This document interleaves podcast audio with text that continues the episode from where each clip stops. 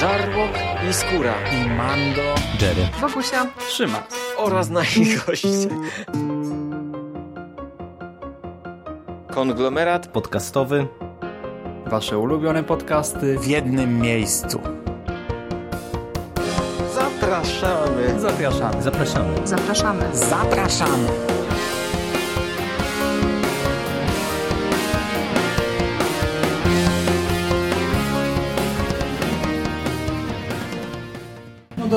Leci, leci. To może już zaczniemy? Cześć Wam. Cześć. Cześć. Jak widzicie w programie... Ty jesteś to nie, to ja jestem Szymon, to jest Michał, a to jest Hubert. Cześć. Jesteśmy z, kon z konglomeratu podcastowego. Tutaj widzicie po prawej stronie. To jest największa w Polsce platforma z podcastami, z audycjami do programu po kulturze. Codziennie nowa audycja. Gry, komiksy, filmy i tak dalej. A Carpe Noctem, y, które też reprezentujemy, to jest największy w Polsce serwis o literaturze grozy, kryminale, thrillerze. Też zapraszamy. I dzisiaj zaprezentujemy Wam prelekcję Horror w komiksie 2.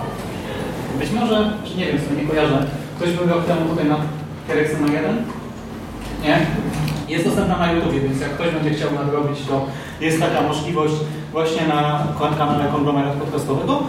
Y, Wtedy, rok temu też się zajmowaliśmy w komiksie, ale tak bardziej ogólnie. Mówiliśmy o historii, o tych zmianach w prawie, które wpływały troszkę na to, co też w komiksach się y, pokazywało, a dzisiaj w tym roku chcemy się skupić na rynku polskim, na tym, co się ukazuje y, no, w tych ostatnich latach i w tym roku i na tym właśnie, co jest taką... Co jest dostępne u nas, to co można kupić u nas. Rok temu się skupialiśmy mocno na różnych ikonach e, horrorowych w komiksie, na rzeczach, które absolutnie nawet już w Stanach nie są dostępne, a, a w Polsce nie były nigdy. Teraz stwierdziliśmy, że zrobimy sobie taki przegląd rzeczy, które można sobie kupić u nas, bo rok temu osoby, które były na prelekcji, to w zasadzie właśnie były tym zainteresowane bardziej. Widzieliśmy, że, że większe zainteresowanie jest, e, żeby dowiedzieć się, co mogę przeczytać, a nie co wyszło w latach 50. Nie? I dlatego też nie będziemy powtarzać się na temat tych rzeczy, które były rok temu, więc odsyłamy na YouTube po prostu albo na podcast na stronie, jeżeli ktoś będzie chciał e, nadrobić zaległości. Dobra, to przechodzimy do pierwszego wydawnictwa.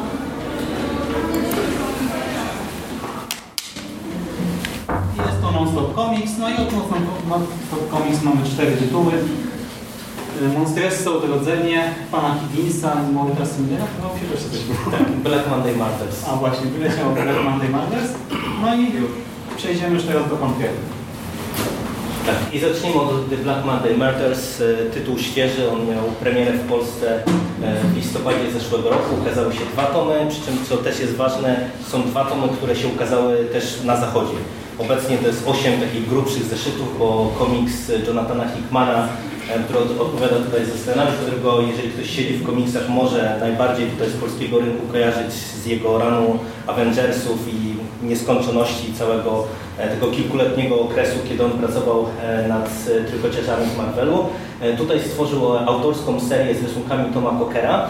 E, Tak jak mówię, mamy dwa tomy, na które się składa 8 zeszytów nietypowych, bo to są 40 do 50 stron na, na zeszyt, obydwa wydane w Polsce. Na kolejne zeszyty niestety będzie trzeba poczekać. Ja od razu od siebie powiem, że wielka szkoda, że trzeba poczekać, bo to jest absolutnie rewelacyjna seria. W mojej opinii to jest najlepszy komiks minionego roku i do tej pory to jest najlepszy komiks tego roku, jaki się w Polsce ukazał, nie tylko jeżeli chodzi o horror, ale w ogóle. E, I co jest tak fajnego, jeżeli chodzi o e, tę serię komiksową? Black Monday Murders to jest e, seria komiksowa, która łączy teoretycznie rzeczy, które by się nam w pierwszej chwili nie wydawały w ogóle, jeżeli chodzi o grozę, czy budzące grozę, tak bym powiedział. Dlatego, że z jednej strony mamy okultyzm, czyli coś, co jest gdzieś tam szeroko eksplorowane w popkulturze i także w horrorze. Łączy nam kryminał, taki czarny kryminał, można powiedzieć, czy kryminał skupiający się na jakimś tam śledztwie, ale łączy to wszystko z ekonomią, teoriami spiskowymi, e, polityką, jakimiś wątkami społecznymi. E, I żeby było e, jeszcze ciekawiej, e, sama forma tego komiksu też jest dosyć nietypowa. Dlatego, że Hickman postawił na połączenie z jednej strony takiej dosyć klasycznej narracji graficznej, czyli wiecie, mamy klasyczne kadry komiksowe, klasyczne dialogi, ekspozycje, tak jak tutaj możecie sobie zobaczyć właśnie na tym rysunku, czyli klasyczne plansze komiksowe, ale równie istotne jest to, co się dzieje w przerwach. We, wszystkich tych zeszytach mamy dużo plansz tekstu, które nam zdradzają na przykład historię rodów, różnego rodzaju pewne wydarzenia z, z, tego świata przedstawionego, które są istotne dla fabuły, bo cała akcja się kręci wokół tak naprawdę walki kilku szkół ekonomicznych, które oddają cześć bogowi Mamonowi i które jak z stoku komiksu dowiadujemy się odpowiadają za kryzysy ekonomiczne, te cykliczne, cykliczne kryzysy ekonomiczne, które w ekonomii co parę lat się pojawiają.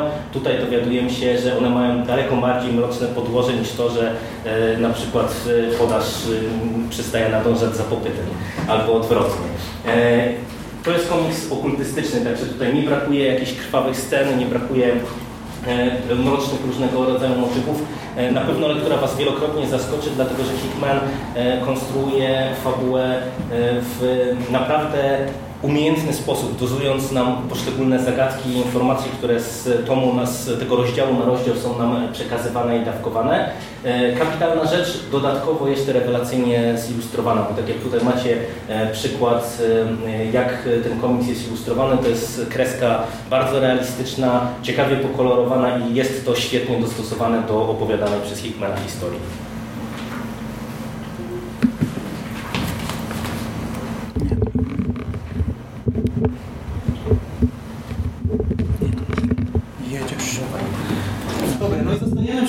Comics. E, no, Jeremy Scatton, to też chciałem o tym mówić, ale to wydawnictwo ogólnie zadebiutowało w ubiegłym roku, to jest e, no, jak gdyby spółka córka Sony Gali e, i ma masę świetnych serii, tak naprawdę żadna mnie do tej pory nie zawiodła.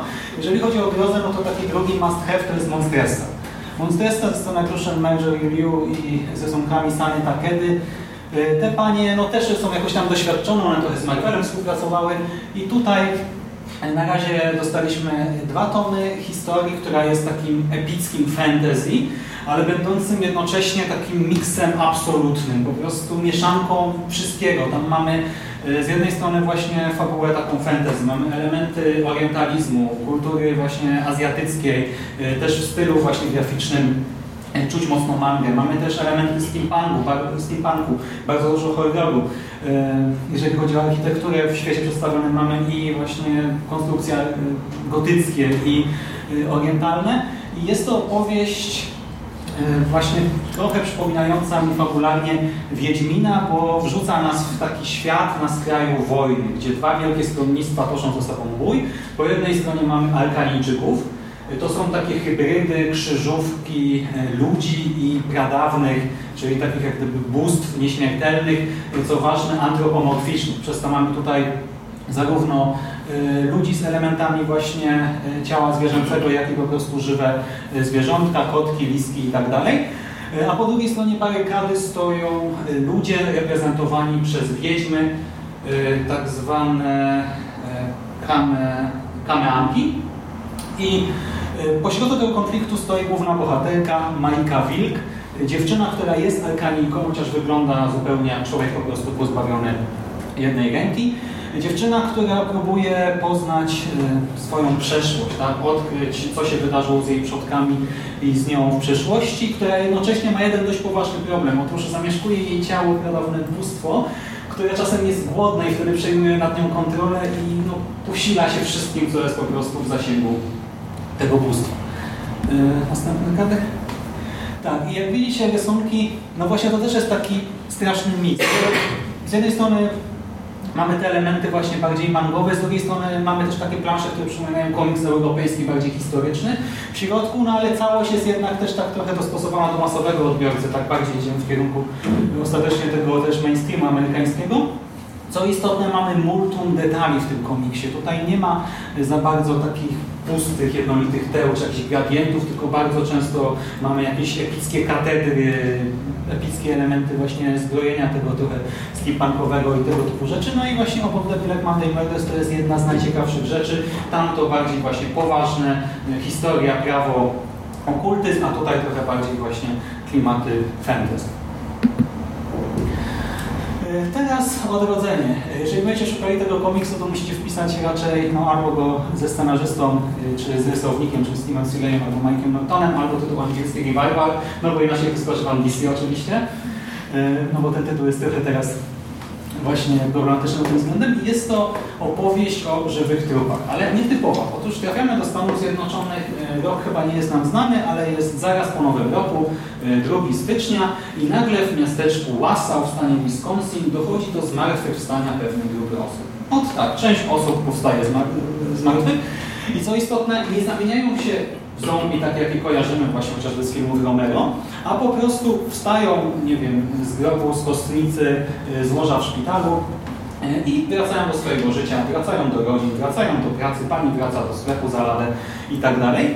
Y, No i świadkiem jednego z takich wydarzeń była dziennikarka, która przeprowadzała wywiad y, z pracownikiem krematorium, no i jakby nie patrzeć, uznała to za trafny, głośny temat, nagłośniła całą sprawę i wiadomo, trzeba jakoś zareagować. Rząd USA nakłada kwarantannę na Wasau, odcinając ją, to właśnie od reszty USA i świata. No i wiadomo, to działa w dwie strony. Z jednej strony ochraniamy USA czy cały świat przed ewentualnymi skutkami tego wydarzenia, jeżeli to był jakiś wirus czy coś takiego, ale z drugiej strony też odcinamy Wasau od jakichś fanatyków religijnych, zboczeńców, łowców sensacji i innych świrów.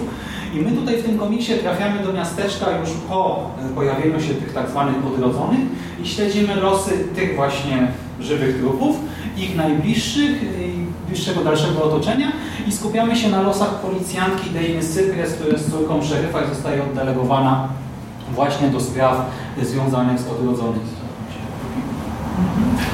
Jeżeli chodzi o oprawę graficzną, wiecie, to jest taka opowieść trochę w stylu noir. Małe, senne miasteczko, y, do tego właśnie mamy tę zimową, śnieżną otoczkę i w tym właśnie środowisku pojawiają się różne, no dochodzi do różnych nieprzyjemnych zdarzeń. Mamy tutaj troszkę krwawe, brutalne sceny, jakieś tam elementy go, tutaj widzicie nawet kończyny porozrzucane. Handel, handel e, tymi organami, bo, bo świat chce też z tego skorzystać. Myśli, że... Tak, relikwie że, że, że ale to, no, to jest cała taka otoczka, jakby to wydarzyło się naprawdę, to co mogłoby się stać, tak? Co ludzie mogliby robić. Mamy egzorcystów szarlatanów, którzy udają, że wiedzą co jest grane, tak? mamy właśnie fanatyków, mamy y, jakąś tam mafię, która handluje organami. Y, no i właśnie z jednej strony mamy trochę tych brutalnych scen, trochę takich bardziej klimatycznych, mamy ten właśnie trochę też kryminał. A też dużo obyczajowych. Ta- Ten komiks charakteryzuje bardzo szarpana narracja. My mamy trochę odmienne zdania na temat tego komiksu, bo mnie się on dużo mniej podoba, bo jego się po prostu ciężko czyta. Jest po kilka stron e, o bardzo dużej liczbie bohaterów i tak skaczemy, skaczemy. Ba- Bardzo dużo wydarzeń jest poszatkowanych, przemieszanych. E, Nie, ma, nie, nie, nie, nie czyta się tego w moim przypadku tak płynnie jakoś. Bo śledzimy właśnie losy kilkunastu, na przykład 20 kilku postaci równolegle. Czyli mamy 15.6 mieszkanie A, 15.12 PAW, 15.15 mieszkanie B i potem na przykład komisaria 10 minut później. Więc rzeczywiście, że jak ktoś jeszcze na żywo tak raz zarazem gościom kogoś razy, że podrzuciłem, to to jakoś leci. Ale rzeczywiście jak się zostawi to na kilka dni, to potem można się nie połapać. I jeszcze mamy też wątek nadprzyrodzony, bo to trochę przypomina też Archiwum X, z Archiwum X. Pojawiają się takie świetliste, tajemnicze istoty. Na razie jeszcze nie wiadomo o co chodzi. Całość ma mieć 8 zeszytów, na razie u nas ukazało się 8 tomów i ma być zamknięte, tak. nie? To już jest skończone w, w Stanach, już a, a w Polsce na razie są 3 albo się 4. 3 i 4, nie wiem czy dzisiaj na MFK nie miał. Ale na pewno jakoś niedługo się ukaże. No i trzeci komiks to Pan Higgins wraca do domu. Tym razem opowieść wampiryczna Majka Minoli y, narysowana przez Johnsona Cadwella. E, Komiks, jak widzicie, cieniutki. Jest to opowieść mm, nawiązująca dość mocno do nieustraszonych łowców wampirów? Polańskiego. I trafiamy tutaj e, właśnie w okolice zamku hrabiego Golda. Mamy noc Walpurgi e, i na zamku odbędzie się impreza dla wszelkiego rodzaju krwiopijców, upiorów, a jednocześnie w okolicy pojawia się e, niejaki profesor Meinhardt i jego przyjaciel pan Knox, którzy odwiedzają tytułowego pana Higginsa e, w miejscowym klasztorze, gdyż pan Higgins swego czasu trafił w szpony właśnie hrabiego, ale przeżył. No i teraz cała trójka chce zniszczyć nasz wampirzy ród, ale e, no, to nie jest tak, że wampiry są głupie. Tak, hrabia wie o tym, że panowie przebywają w okolicy i aby przeciwdziałać jakiemuś atakowi zaskoczenia, zaprasza właśnie na tę imprezę, na to spotkanie z okazji Nocy Walpurgi. Już widzicie tutaj po tych rysunkach, że y, no to nie jest taka opowieść całkowicie na poważnie. Tak? Ta kreska jest bardziej kartunowa, raczej parodystyczna i opowieść też właśnie taka jest, to bardzo pasuje do fabułki. Bo z jednej strony mamy dramat tytułowego pana Higginsa, ale całość też jest doprawiona humorem, no i właśnie to jest taka lekka historyka z twistem. Ten komiks nie jest jakoś szczególnie tani, bo to jest raptem 56 stron, taka leciutka, to się czyta nie pół godziny po komiksie, no ale jak ktoś jest fanem wampirów, no to bardzo sympatyczna rzecz i warto poznać. I tyle o Non-Stop Comics, przechodzimy do Egmontu. No i zajmiemy się właśnie Święciem Nocy, amerykańskim wampirem, Hellboyem, BBPO, Kaznodzieją, Sagą o potworze z bagiem, Hellraiserem, Parcorat jest dopiero w planach, tu są jeszcze drapieżcy, Hellblazer, no i zostajemy w temacie wampirów, mam do Książę. E, To jest komiks, który ukazał się pierwotnie w latach 94, 1994, 2001 i wtedy ukazało się sześć zeszytów. I to są te zeszyty, które tutaj widnieją jako tomy e, od drugiego do czwartego, bo autor e, Swartz w 2015 napisał prequel. I wcześniej te sześć zeszytów się u nas już ukazało w Egmoncie, tylko wiadomo, to się wyprzedało i można było dostać co najwyżej na Allegro za jakieś astronomiczne kwoty.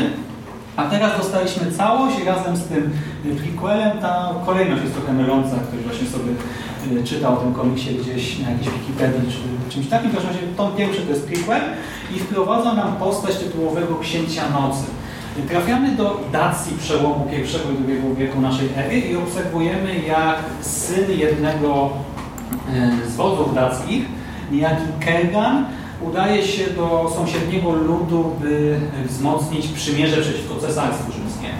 Wyrusza na wyprawę wraz ze swoimi tam zbrojnymi i po drodze okazuje się, że został, zostawiono na niego pułapkę, wpada w sidła, ledwo uchodzi z życiem, powraca jakoś tam do swojej wioski. I tutaj kolejny psikus, okazuje się, że zdrada nie była najgorszym, co go spotkało. I to jest właśnie geneza naszego wampierzego mistrza, a kolejne trzy tomy e, prezentują nam akcję już bardziej z punktu widzenia e, rodu de Roadmontów. To jest francuski ród e, i właśnie tutaj mamy akcję prowadzoną równolegle, w teraźniejszości i w przeszłości.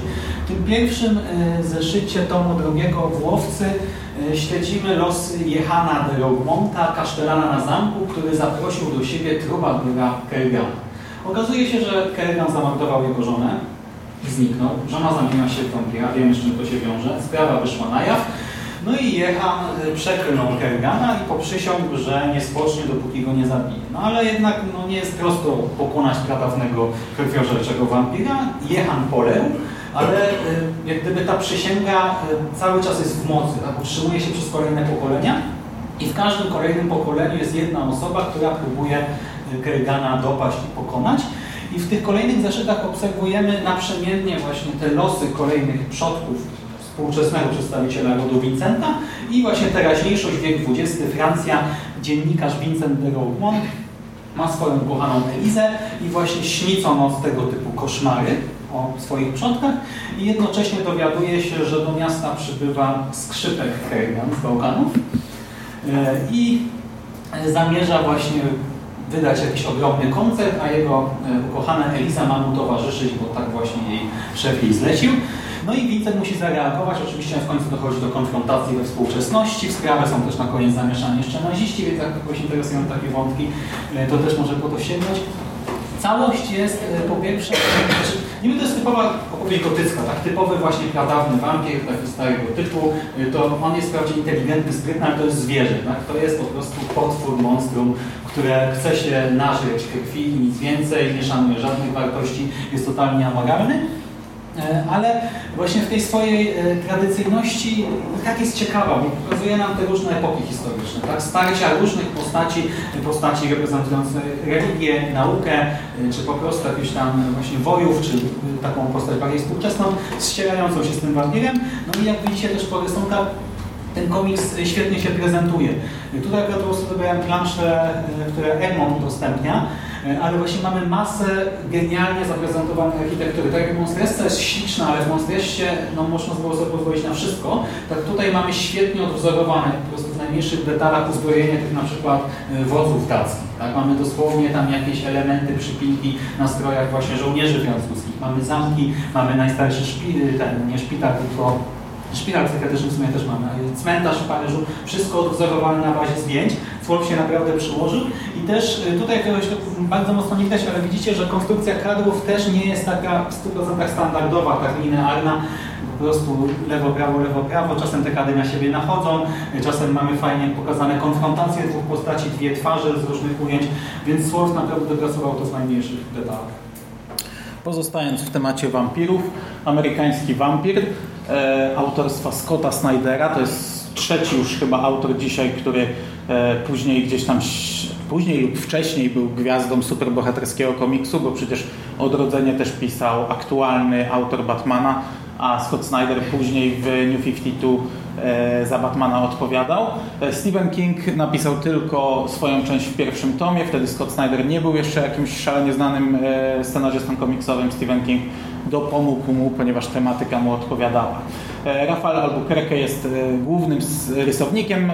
Pojawiają się rysunki też innych autorów, bo ten komiks jest pisany trochę tak, że główna historia jest mniej więcej co drugi tom a tomy, a tomy gdzieś tam przeplatające się z nimi opowiadają różne takie poboczne opowieści i one bardzo często są rysowane przez innych rysowników, ale styl jest w miarę zachowany. To jest bardzo spójna e, graficznie historia. Jest to saga o wampirach. E, tak jak, nie wiem, Anne Rice ma swoją sagę o wampirach, tak Scott Snyder ma swoją sagę komiksową o wampirach, przy czym założenie było takie, by przywrócić wampirom ich brutalność, ich kły, ich e, mordercze nastawienie. I tutaj właśnie mamy e, taką historię wampirów, takich krwiopijców pierwotnych, brutalnych, nastawionych na zabijanie. I mamy zderzenie tradycyjnych wampirów, e, klasycznych, z nowym gatunkiem amerykańskiego wampira, który narodził się właśnie w Ameryce.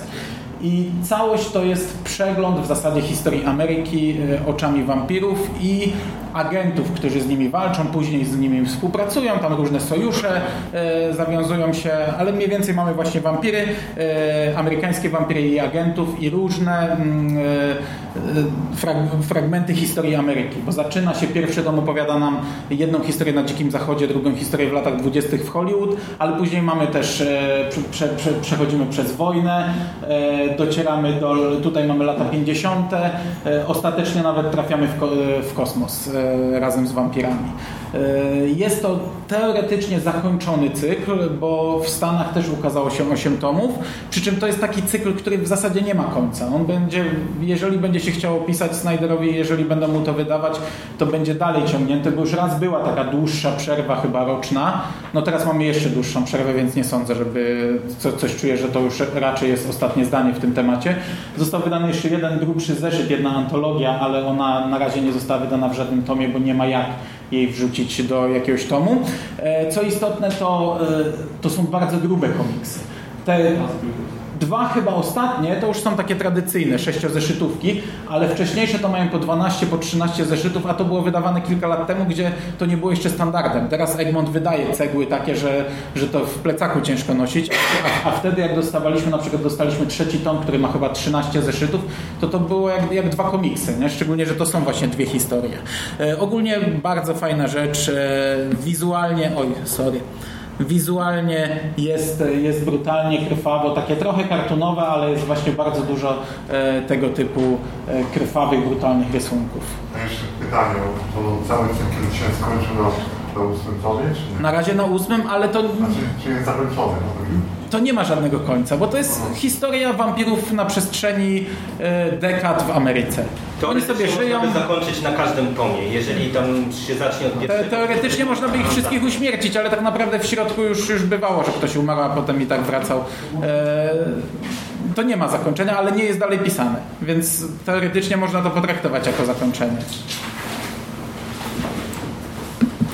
A tak jak Mando wspomniał, e, że Egmont e, kiedyś wydawał e, grubsze komiksy, no to teraz wydaje faktycznie potężne cegły i w ramach tej hossy komiksowej, która trwa teraz, Egmont powrócił do wielu serii, które były wydawane wcześniej w latach minionych, e, w takich klasycznych tomach tam po sześć zeszytów, teraz idą albo w kierunku omnibusów, albo w kierunku jakichś wydań zbiorczych i tak doczekaliśmy się też powrotu e, sagi o potworze z bagien, konkretnie rano Alana Mura z lat 80., który jest wydany u nas w trzech tomach no, tak jak widać po 430 stron, tam wchodzi mniej więcej 12-13 zeszytów na tom.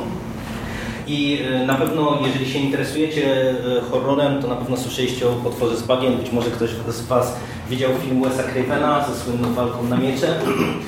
E, Ale tutaj słusznie akurat ten ran Mura uchodzi za bardzo istotny i ważny, jeżeli chodzi o komiks grozy i rozwój tej postaci, bo Mur nie stworzył postaci potwora z bagien, natomiast Akurat to, co wydaje u nas Egmont w tych trzech tomach, dwa już mamy na rynku, trzeci jest zaplanowane bodajże w grudniu, e, to jest e, wycinek sagi, w której, i moment, w którym e, Mur przejął pisanie tej postaci i można powiedzieć, że można płynnie wejść w historię Potwora z Bagien, a historia z Potwora z Bagien teoretycznie w takich podstawach to jest klasyka. Mamy naukowca, który pracuje nad jakimś środkiem, który e, ma umożliwić e, rozwój plonów, e, tak żebyśmy, wiecie, nie głodowali chociażby na świecie.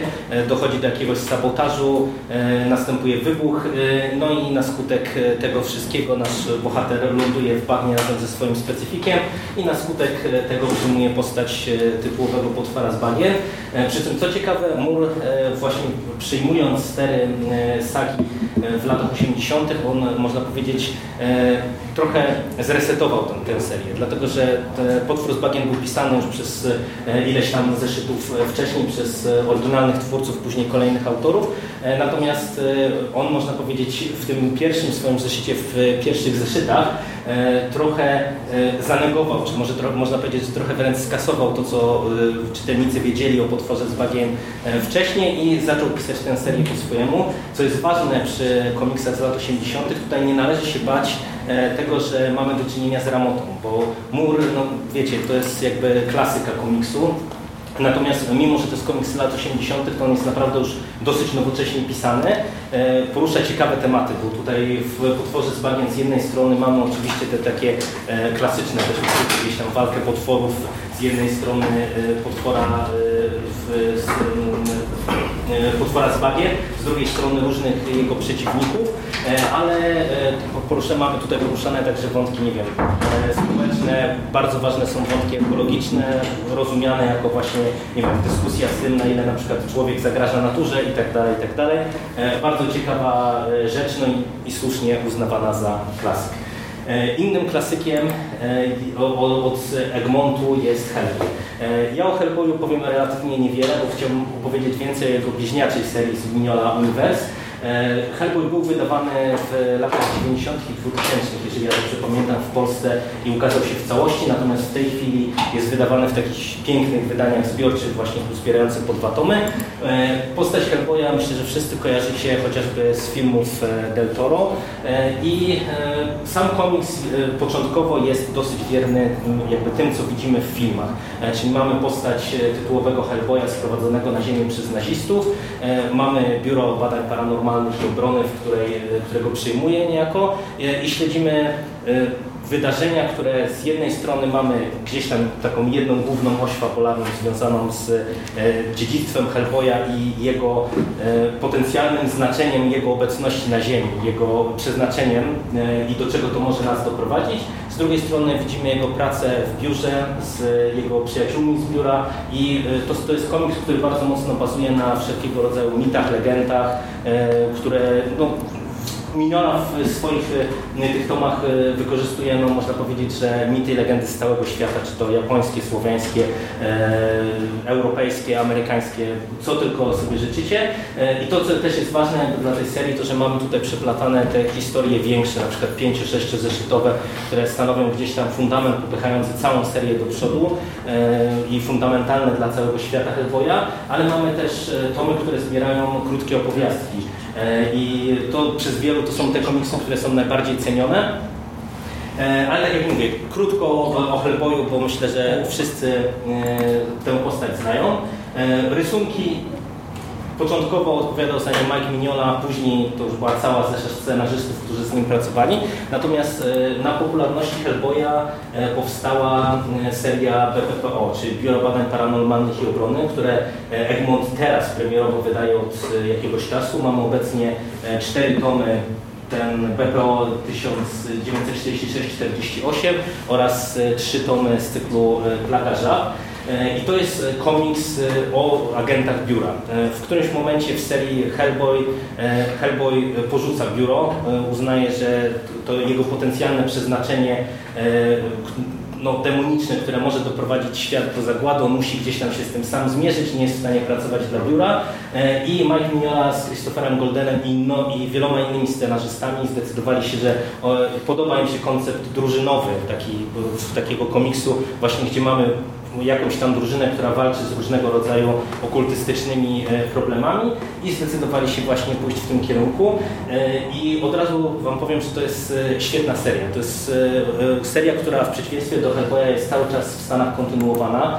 E, Bodajże tak jak e, tutaj my mamy cztery te omnibusy, to jest prawie po 500 stron każdy z tych komiksów i jest zaplanowany czwarty. E, W Stanach już jesteśmy chyba na dziewiątym takim wydaniu zbiorczym i, cały czas jest to kontynuowane.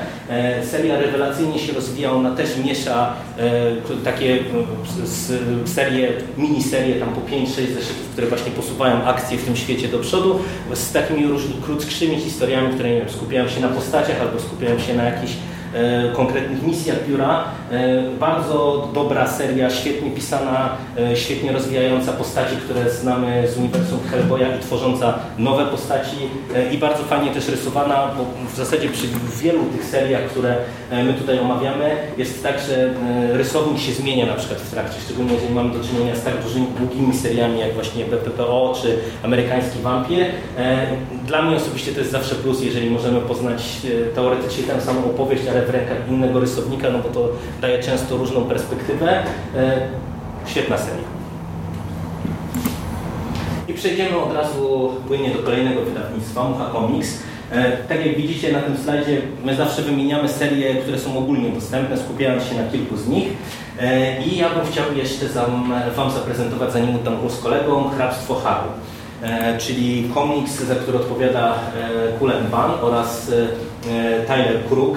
Wyjątkowo przy tym komiksie rysownik jest bardzo istotny, dlatego że to jest komiks nietypowo rysowany, bo akwarelami i to wpływa też na jego odbiór. To zobaczycie zaraz, e, e, tak jak te kadry e, się prezentują, no to jest zupełnie inny wizualnie komiks niż to, co można było oczekiwać od takiego standardowego komiksu.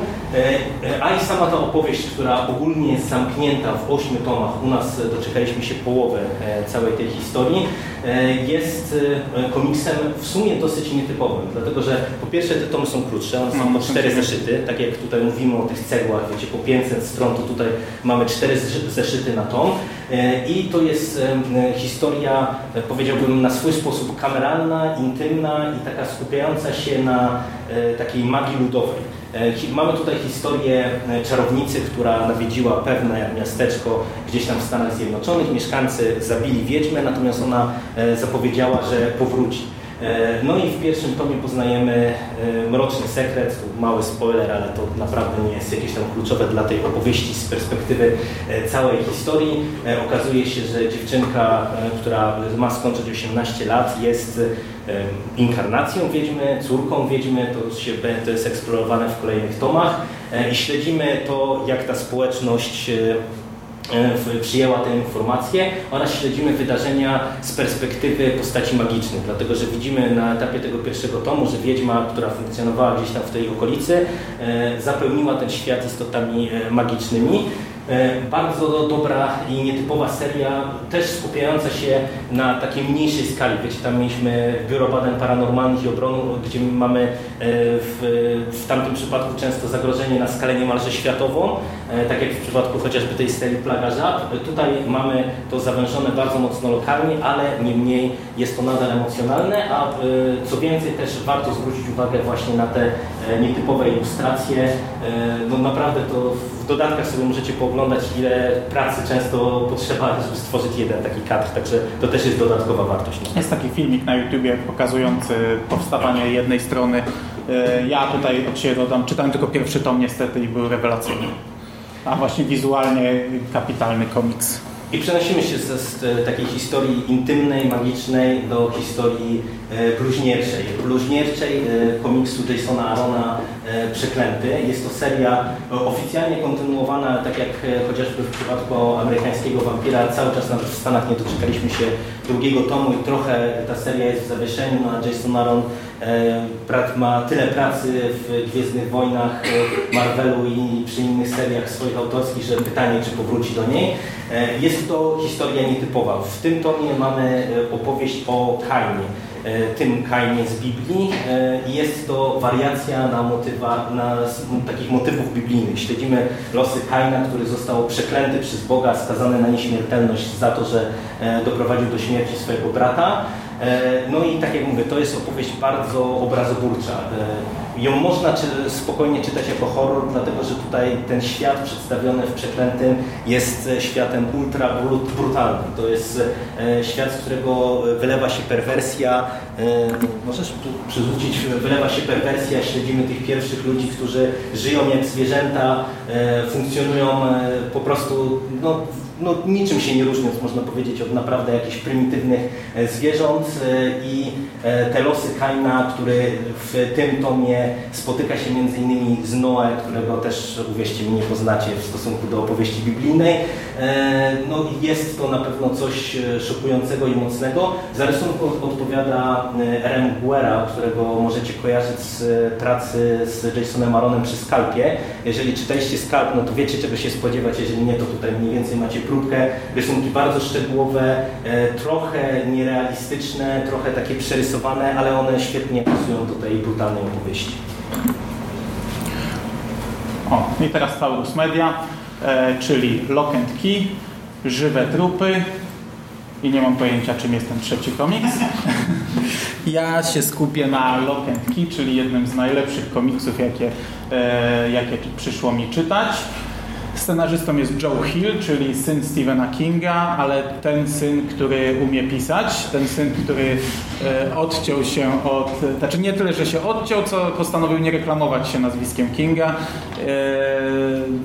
Wydaje doskonałe książki i Z podkłuciami. Spod, no, ostatnio udowodnił, że nie jest Bogiem, bo wydał jedną złą i pisze rewelacyjne komiksy. Mnóstwo komiksów pisze, widać, że to jest zupełnie inne podejście do tworzenia niż jego ojciec. Key jest serią zakończoną, zaplanowaną na te sześć tomów i od początku do końca konsekwentnie realizowaną. E, Za rysunki odpowiada Gabriel Rodriguez, przy czym on od któregoś tomu jest też podawany jako twórca komiksu. Oni we dwóch pracowali nad, tym, nad tą całą serią. W tym przypadku rysownik się nie zmienił do końca i tak jak Jerry mówił, że lubi widzieć różne wizje różnych autorów, ja też to bardzo lubię.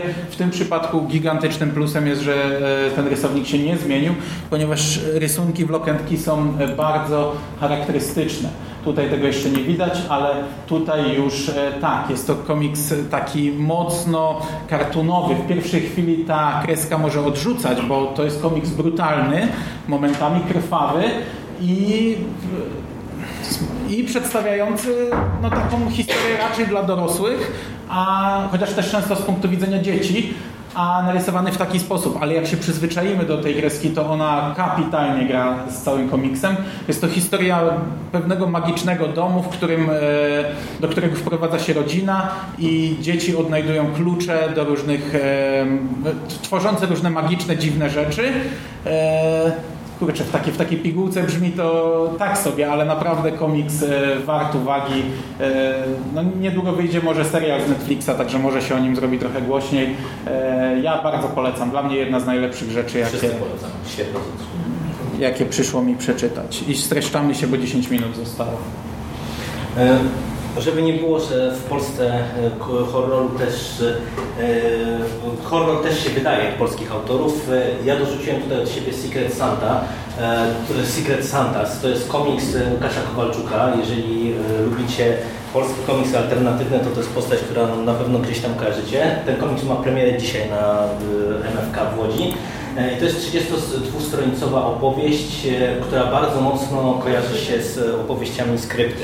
Czyli wiecie, mamy te, taką opowieść gdzieś tam z morałem, zahaczającą e, czy poruszającą tematykę społeczną, w no, przewrotny e, sposób właśnie e, taki, który, tak jak mówię, możemy kojarzyć z opowieściami z krypty, czyli wiecie, gdzieś tam ten morał na końcu musi być, zło przegrywa i, i gdzieś tam dochodzi do, do takiego sporego twistu. Łukasz Kowalczyk odpowiada za e, rysunki w tym komiksie. One są bardzo specyficzne i charakterystyczne dla tego autora. E, w pierwszej chwili one mogą dziwić, bo wielu, znam wiele osób, których ta kreska odrzuca, natomiast co, to jest fajne, bo one bardzo dobrze pasują do tego scenariusza i też jeżeli byście chcieli krótką opowiastkę, mniej typową poznać z tej konwencji horroru, którą omawiamy, to śmiało możecie sobie po to sięgnąć. Było, że tylko komiksy te amerykańskie, jakiś tam jeden polski, no to też y, na koniec y, dosłownie trzy minutki o Manze. No w Polsce jest kilka takich dużych, ważnych wydarzeń. Tutaj widzicie studio JG, które wydało Egina, o którym mówiliśmy rok temu, Dziewczynka w Krainie Przeklętych, Manhole i właśnie też Lovecrafta od Tanabego. I E, o nim też teoretycznie wspominaliśmy rok temu, ale na, tamty, na etapie tamtej prelekcji ukazały się tylko dwa pierwsze tomy, czyli Ogar i inne opowiadania i Kolor z innego świata. E, po tamtej prelekcji ukazał się Nawiedziciel Mroku, a teraz dosłownie jest dostępny order na W Górach Szaleństwa. Jak myślimy o Mandze w kontekście horroru, no to pierwsze nazwisko, które nam powinno przyjść do głowy to Junji Ito. Junji Ito jest bogiem współczesnego mangowego horroru. On jest potem 5 kilometrów pustki i dopiero są następni twórcy, ale Tanabego też się wybił, dlatego że on się skupił na tym Lovecraftie. On y, przeczytał sobie wszystkie teksty Lovecrafta, czuje bardzo ten horror kosmiczny, zna całą mitologię Cthulhu też te teksty spoza tego kanonu i przenosi opowiadania na karty właśnie swoich man. I co istotne, robi to no właśnie z takim rozmachem. Wiadomo, y, też czasem widać, że przy mniej ważnych scenach nie chcę się rysować, także nagle twarze są trochę bardziej rozmazane, jest trochę mniej detali, ale potem nagle mamy jakąś epicką grafikę, przy której szczękę zbieramy z podłogi. I e, możesz przerzucić. E, no i właśnie teraz ostatnio ukazał się tą Trzeci na w roku i osobno też zostało wydane e, w Japonii e, w czterech chyba tomach. Właśnie jego adaptacja w Górach Szaleństwa tego opowiadania Polsce nawet w dwóch tomach i aktualnie dosłownie jeszcze w tym tygodniu prawdopodobnie, nie wiem czy w przyszłym też, być może już nie, na jatta.pl jest możliwość zamówienia preorderu e, całości w bookcase jeszcze z jakimś ekskluzywnym dodatkiem, jakimś takim specyficznym rysunkiem na osobnej, stylizowanej też karcie, więc jak kogoś interesują klimaty właśnie Cosmic Horror... A to długo będzie? Bo ja nie mam. Hmm? To długo będzie? Bo ja tego jeszcze nie kupowałem. No te pierwsze domy są cały czas dostępne, tak? ale ten, teraz w szaleństwa nie wiem, bo jest tylko właśnie ten preorder yy, i 75 zł za całość, tak jak gdyby 4 tomy w dwóch w slipcase'ie. Yy, I właśnie będąc na jatta.pl dosłownie w tym tygodniu zamawiając to, dowiedziałem się o innym komiksie od yy, Maneko, czyli o Shiki. Maneko wydaje też te inne tytuły, ale dzisiaj skupię się tylko na tym. Shiki jest o tyle ciekawe, znaczy jak słuchamy, czytamy o fabule, no to dowiadujemy się, że akcja rozgrywa się w trakcie upalnego lata y, w wiosce Sotowa. Mała, cicha wioska, do której wprowadza się pewna dziwna, budząca niepokój godzina, zwłaszcza, że wprowadza się do willi, do rezydencji Kanemasa, która jest od dawna opuszczona. Zaraz po przybyciu tej godziny w mieście y, zaczynają y, ginąć ludzie. No i ginie ich coraz więcej. Lekarz, właśnie nie tyle lekarz, co dyrektor szpitala wioskowego Toshio Ozaki, e, no podejrzewa, że dochodzi do jakiejś doszło do jakiejś epidemii, trwa dochodzenie w tej sprawie, no i ostatecznie Ozaki stwierdza, że prawdopodobnie za wszystkim stoją szyki, czyli te właśnie japońskie wampiropodobne istoty, no bo to nie są wampiry sensu stricte, ale gdyby ich odpowiednik tamtejszy. I co jest istotne, e, ta historia jest, wiadomo, to nie jest adaptacja per se, ale jest myślą inspirowana miasteczkiem Salem Stephena Kinga. Dlatego... Dla widoczną. Dlatego też mam do powinien nadrobić. A to z przyjemnością. To z przyjemnością. Skończyłeś? No i na koniec jeszcze wymieniliśmy e, komiksy, o których dzisiaj nie będziemy opowiadać, o których mówiliśmy rok temu. Mamy na rynku jeszcze Scream Comics, które wydaje przede wszystkim Obcego i Predatora, zarówno takie wydania też bardziej ekskluzywne, zbiorcze, jak i e, takie mniejsze serie. Mamy Kulturę Gniewu, oczywiście naszą rodzimą. Przede wszystkim z Black Hole, który każdy powinien nadrobić. No i jeszcze y, z MAM warto sprawdzić sobie JPF, no i przede wszystkim tego Junji'ego i to. Mamy, co jest też ważne, Junji to jest wydawane w dwóch seriach, w Wielkiej Mandze i w tej Junji Ito kolekcji horrorów. Y, I to są różne komiksy, po prostu JPF tak sobie rozłożył plan wydawniczy, że wydaje to jak gdyby równolegle w dwóch seriach.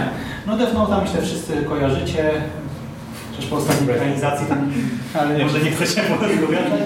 Resident Evil, e, tutaj nam zjadło Desire. Tak, e, i zjadło nam Mandiokę też wydawnictwo, które e, z kolei na naszym rynku, e, na nasz rynek sprowadza komiksy z Ameryki Południowej i, i dwa komiksy zahaczające o grozę mają w swojej ofercie, to jest Pets oraz Warpaint.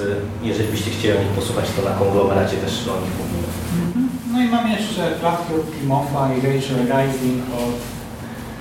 Wiecie, jest takie wydawnictwo, które wisi pewnie każdemu. Nie wiem, jeżeli kupujecie komiks, to pewnie mam też sporo pieniędzy już. Mnie już nie wiszą. E, ja się trochę zestresowałem, jak ta koleżanka tu weszła i kartkę pokazała, że 10 minut, a w sumie zostało nam jeszcze kilka minut. To może na koniec, jakbyśmy, jakbyście mieli polecić jeden komiks, to który byście wybrali? Tylko jeden z tych wszystkich. Ty Black Monday Murders ode mnie. Ja też. No to ja Key, ale nie czytałem jeszcze The Black Monday Murders, więc nie, mam, nie, nie, nie wiem jeszcze co tracę, ale właśnie pani mi przerwała na Lock and Key, gdzie powinienem się bardziej rozwinąć. Bardzo, bardzo polecam ten komiks. Szczególnie, że serial Netflixa pewnie zepsuje, tak jak Death Note zepsuł, więc lepiej poznać to zanim, zanim e, serial się pojawi, bo do tego komiksu już podchodzono dwa razy do ekranizacji. Najpierw robił to Fox i skasował, potem robiła to platforma Hulu i skasowała, właśnie kończymy.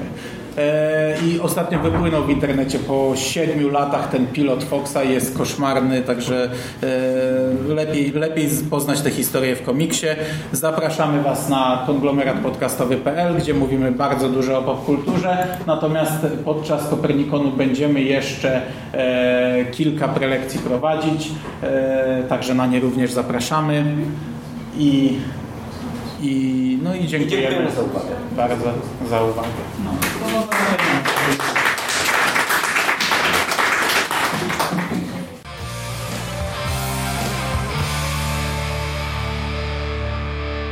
You finished? That's it, man. Game over, man. It's game over. What the fuck are we gonna do now? What are we gonna do? It's over. Nothing is over. Nothing. You just don't turn it off.